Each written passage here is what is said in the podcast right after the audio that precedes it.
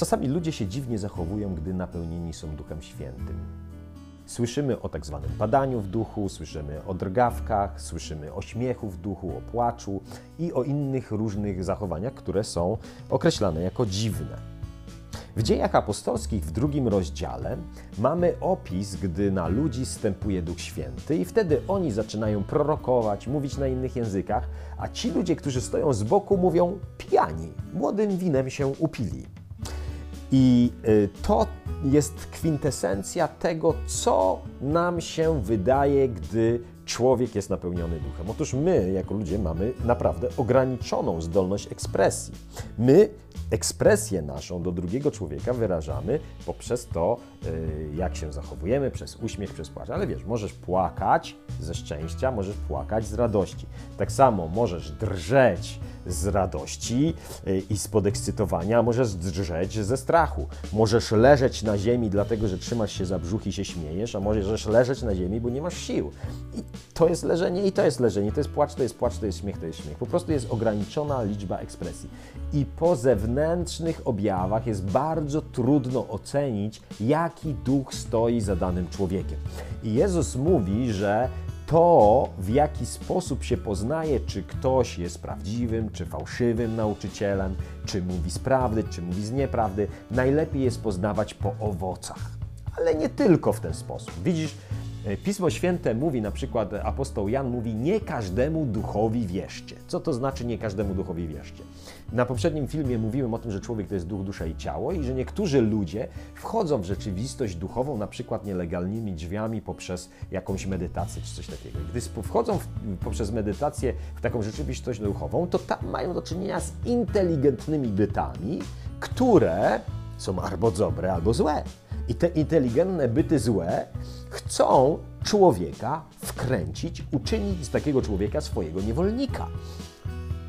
Więc trzeba się strzec. W jaki sposób się strzec? Pismo Święte na ten temat mówi.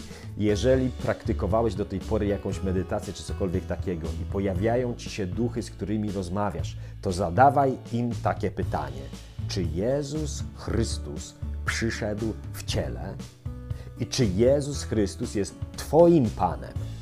Zadawaj to pytanie tym duchom. One zdziwi się, co ci zaczną odpowiadać. Niektóre z nich powiedzą tak, Jezus jest Panem, ale nie powiedzą, że ich Panem. Inne odpowiedzą, że tak, tak, przyszedł w ciele, ale i zaczną dodawać ale, że w duchowym i tak dalej. Nie, w ciele fizycznym. Czy on przyszedł na ziemię jako fizyczny człowiek? Takie pytanie zadaj. I kiedy zadasz takie pytanie, to wiele z nich zacznie przeklinać. Wiele z nich nagle pokaże swoją prawdziwą twarz dlatego że widzisz to, co jest zewnętrzne, to niekoniecznie to, co jest wewnętrzne. Nie, nie, wszystko zło to, co się świeci. Tak samo w rzeczywistości duchowej. Nie wszystko wygląda tak samo. Czasami ludzie padają dlatego, że są napełnieni Duchem Świętym, ale padają również bardzo często dlatego, że są zdemonizowani. Napada na nich duch słabości i po prostu leżą. Niektórzy mówią, a jak się pada na twarz, to wtedy z takiego ducha, a na plecy to z takiego ducha. Nie.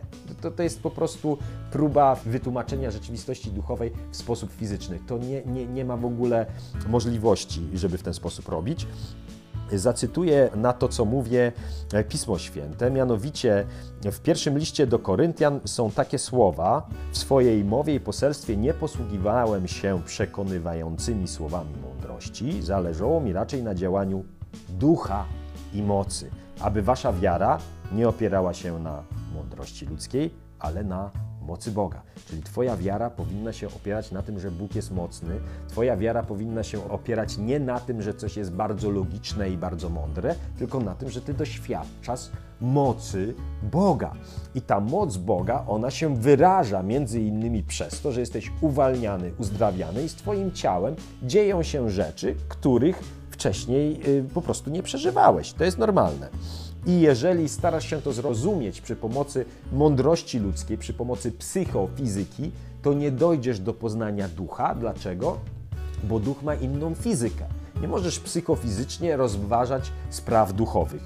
I dokładnie ten sam rozdział mówi to w ten sposób.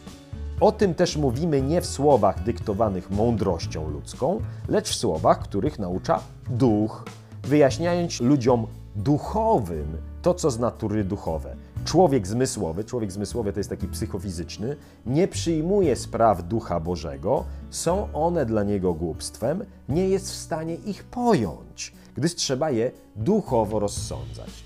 Tak samo jest wszelkiego rodzaju padaniami, drżeniami, e, kontaktami z duchami, objawieniami maryjnymi i innymi. Należy je duchowo rozsądzać. To nie są rzeczy, które jest łatwo rozsądzić przy pomocy mądrości.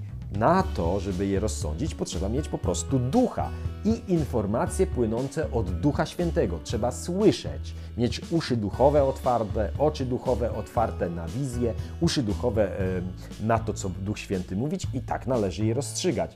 Niestety mądrość ludzka, logika, ona nie jest w stanie nam ocenić spraw duchowych, bo należy je rozsądzać duchowo, a nie psychicznie, czyli rozumowo lub emocjonalnie. Subskrybuj nasz kanał, żeby nie przeoczyć kolejnych filmów. Jeśli to nagranie jest dla Ciebie pomocne, prześlij je swoim znajomym.